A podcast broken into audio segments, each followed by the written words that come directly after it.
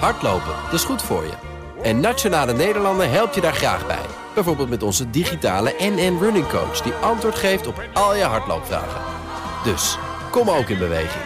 Onze support heb je. Kijk op nn.nl slash hardlopen. Big Tech is niet de enige die enorm veel informatie over ons verzamelt... want ook de overheid leidt aan een dataverzamelingsdrift. En voor die datamacht die de overheid over ons heeft... is een tegenkracht nodig.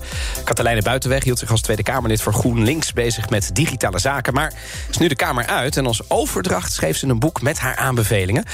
Het komende kwartier is ze onze gast. Goedemiddag en welkom. Ja, dankjewel. Goedemiddag. Nou, ik begreep dat u eigenlijk wilde schrijven over vrouwen en social media... en dat is gaandeweg een beetje verbreed en uit de hand gelopen?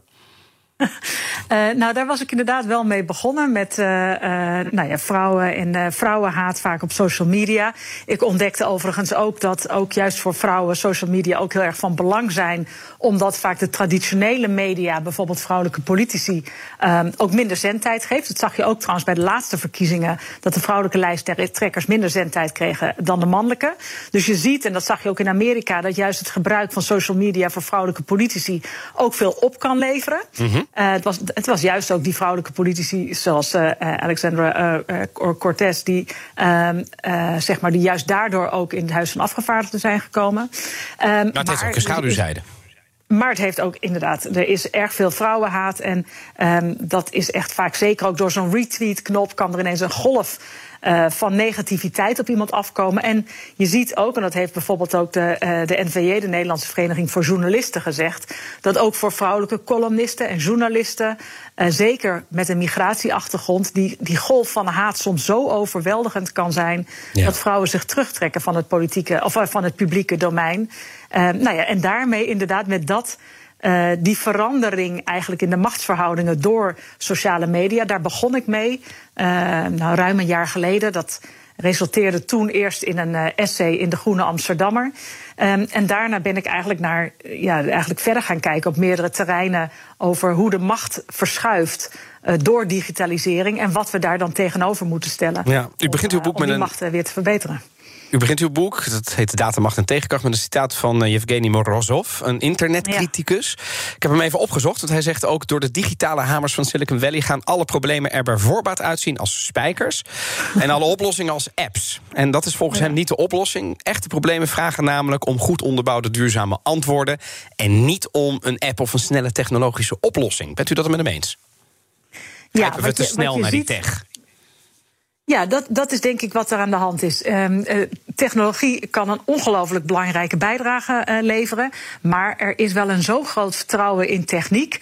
dat eigenlijk al bij voorbaat gedacht wordt dat een technologische oplossing de beste is. En ik beschrijf een corona-app. bijvoorbeeld. Nou, bijvoorbeeld, ik bedoel, die corona-app. Uh, ik, ik weet niet hoeveel apps inmiddels uh, uit de hoge hoed van Hugo de Jonge zijn gekomen. Maar ze zitten vaak niet helemaal doordacht over hoe ze nou precies passen binnen het beleid. En je ziet bij die coronamelder dat die mede daardoor helemaal niet oplevert wat ze hadden verwacht. Maar je zag het ook um, uh, bijvoorbeeld bij, ik, noem, ik, noem, in mijn boek het, voor, het voorbeeld van de vliegtuigpassagiers. Mm -hmm. Er worden ontzettend veel vliegtuigpassagiersgegevens verzameld. En dan gaat het niet niet alleen maar over je paspoortnummer en dergelijke, maar veel meer uh, creditcardgegevens. En de Amerikanen wilden zelfs ook maaltijdgegevens, zodat ze ook kunnen afleiden nou ja, of je misschien moslim bent of joods. Um, en al die gegevens willen ze gebruiken om. Um, nou ja, te kijken of je een potentiële terrorist bent. He, dan mm. hebben ze profielen gemaakt van de potentiële uh, terrorist. En dan gaan ze mensen langs die meetlat leggen. Maar uh, juist bij terrorisme zie je dat het heel moeilijk is om daar een precies profiel van te maken. Omdat de daders en hun manier van, uh, uh, van een aanslag plegen vaak heel erg verschilt. En daardoor had ook de WRR, de Wetenschappelijke Raad voor Regeringsbeleid, gezegd dat dit zich eigenlijk meer leent voor gerichte opsporing dan voor zo'n profilering. Um, en toch zie je dat er overgegaan wordt tot die profilering. Gewoon ja. vanwege het idee dat dat vast wel toch de oplossing zou brengen. Maar Westen, het Westen gaat dan echt een beetje richting China, hè? krijg je dan het gevoel, toch? Nou, je ziet in ieder geval, China gaat natuurlijk wel nog veel verder in het verzamelen. Maar ja, je maar ziet wie zegt dat, wij dat niet ook gaan doen als je nu niet op de rem trapt? Nou, maar dat is wel precies uh, uh, waarom ik ook dit boek wilde schrijven. Omdat ik denk dat er vaak hele goede bedoelingen zitten, vanuit ook vanuit de regering. Er wordt, en ook gemeentes, die willen bijvoorbeeld in beeld hebben vaak wie nou ja, dan willen ze een beetje aan de voorkant zitten. En dan willen ze dus eigenlijk graag bij voorbaat weten wie nu misschien slachtoffer of dader wordt van huiselijk geweld. Ja, en, en uh, om, om, om, om, ook even, uh, het bedrijfsleven wordt natuurlijk ook heel vaak hierin genoemd. Maar heel veel bedrijven doen dit natuurlijk ook om wat dan heet de customer journey in kaart te brengen. Zodat ze een nog betere klantbeleving aan boord of wherever kunnen doen. Het nadeel is alleen dat ze zoveel data hebben dat ze dus nou ja, u zei het zelf ook al, eh, dat je dus ook ineens in een verdachte hoek komt te zitten als terrorist, terwijl dat helemaal niet zo is. Ja, nee, dat, dat is een, inderdaad een groot probleem. Is dat er uh, allerlei conclusies worden getrokken. En dat zijn alleen maar statistische conclusies. Dus het kan ook heel vaak niet kloppen. En dan is het inderdaad wel lastig uh, om dan weer uit die hoek te komen. En wat je ook ziet, is dat. Formeel heeft iedereen het recht op een menselijke blik dus dat bij besluiten, dus dat wil zeggen dat een algoritme niet tot een besluit mag komen, bijvoorbeeld of je een lening kan krijgen of wat voor zorg je nodig hebt. Maar je ziet ook dat als er zo'n uitkomst is van een algoritme, dat uh, professionals die eigenlijk het echte besluit moeten nemen, vaak niet durven af te wijken van die uitkomst van het algoritme, omdat er gewoon een beeld bestaat dat die algoritmes eigenlijk tot betere en objectievere besluitvorming komen dan mensen. Ja, we hebben het gezien in het debat over, toevallig vandaag het debat over die toeslagenaffaire, maar dan zagen we dit bij bij uitstek. En, en, en, ik kan me dan voorstellen dat er ook mensen zijn die luisteren en die denken: ja, maar ja, dat gaat dan over, over, over die mensen. Hè. Dat, dat, dat, dat gebeurt mij niet. Waarom is het voor iedereen een, een relevant probleem, om het dan maar even zo te noemen?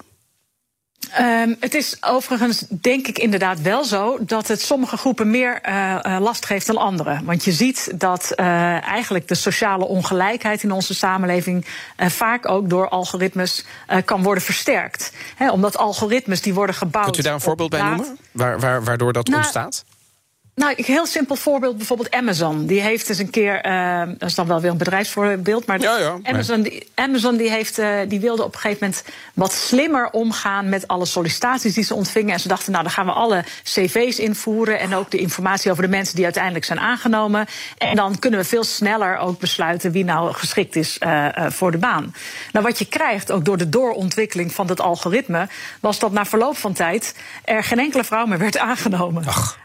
en dat kwam, ja, dat algoritme was op zich niet verkeerd, maar er had gewoon al een vooroordeel gezeten in de informatie die was aangeleverd. Namelijk, er werd vaak een voorkeur gegeven aan mannen. En de doorontwikkeling van die uh, van dat algoritme, ja, die versterkt dat dan nog. En dat is natuurlijk het probleem. Dat er zitten vaak historische ongelijkheden in onze samenleving. Nou ja, als je daar niet op corrigeert, dan is, is het eindresultaat dat een algoritme die historische ongelijkheden uh, ja, bestendigt of versterkt. En wat je ook ziet, is dat de overheid. Uh, die heeft vaak veel meer informatie ook over mensen aan de onderkant. Mensen die ook of financiële hulp of, of zorghulp nodig hebben over die informatie beschikken ze meer. Dus dat zijn ook de mensen die vaker ook, uh, waarvan, waarvan, de, waarvan de gegevens ook vaker verwerkt worden.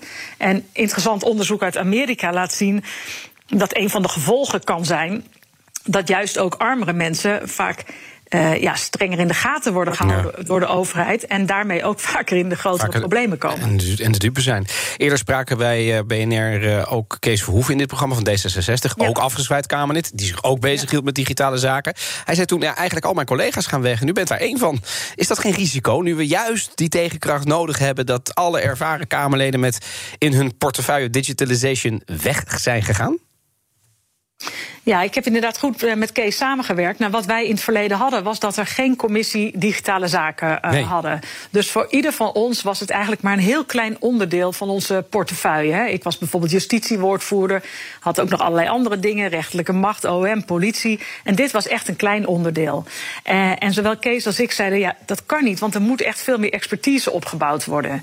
Um, het goede nieuws is, is dat we um, het met behulp natuurlijk van andere collega's voor elkaar hebben gekregen dat er nu wel een vaste Kamercommissie Digitale Zaken gaat komen. Mhm. Die volgende week voor het eerst gaat eh, vergaderen. En dat betekent dat vanaf dan er echt een groep parlementariërs is voor wie dit echt hun, hun, hun, belangrijkste taak is in de Tweede Kamer. Nou, dus die expertise kan dan ook heel snel weer opgebouwd worden. En ik hoop natuurlijk met mijn boek nou ja, dat ik ook gelijk een aantal onderwerpen heb aangekaart die daar prominent hoop ik. Als, als, als, mooie overdracht, inderdaad. tot, tot slot, we zijn natuurlijk als Nederland niet alleen. gelukkig ook maar, want dan zouden we denk ik niet redden tegen Big Tech en dat soort dingen. Ook afhankelijk van Brussel. tot slot vertrouwen dat het daar ook goed doorgepakt wordt? Nou, er zijn inderdaad wel veel uh, interessante initiatieven. Je ziet uh, de Digital Services Act, hè, onder leiding van uh, Margarethe Vestager. Zij is een van de eurocommissarissen.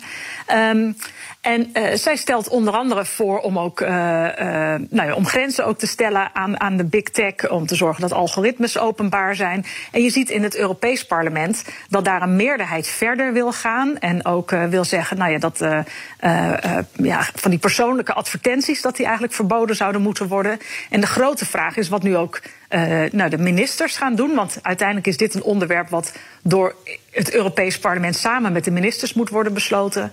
Nou ja, en dan denk ik dat ook de Tweede Kamer, maar is goed, en jullie ook, goed dus kritisch zouden moeten kijken naar wat het kabinet gaat voorstellen. Is die meer in lijn met wat ook het Europees Parlement wil? Gewoon een strakke aanpak ook van, uh, uh, van big tech. Of uh, ja, laten ze zich toch belobbyen door de grote bedrijven. En nou ja, dat is een spel wat ik denk dat we in de komende paar jaar gaan zien. Nou, BNR gaat het zeker volgen. Dank aan uh, Katelijne Buitenweg, het oud-Kamerlid voor GroenLinks... en de schrijver van het boek Datakracht en Tegen. Hardlopen, dat is goed voor je. En Nationale Nederlanden helpt je daar graag bij. Bijvoorbeeld met onze digitale NN Running Coach... die antwoord geeft op al je hardloopvragen. Dus, kom ook in beweging. Onze support heb je. Kijk op nn.nl hardlopen.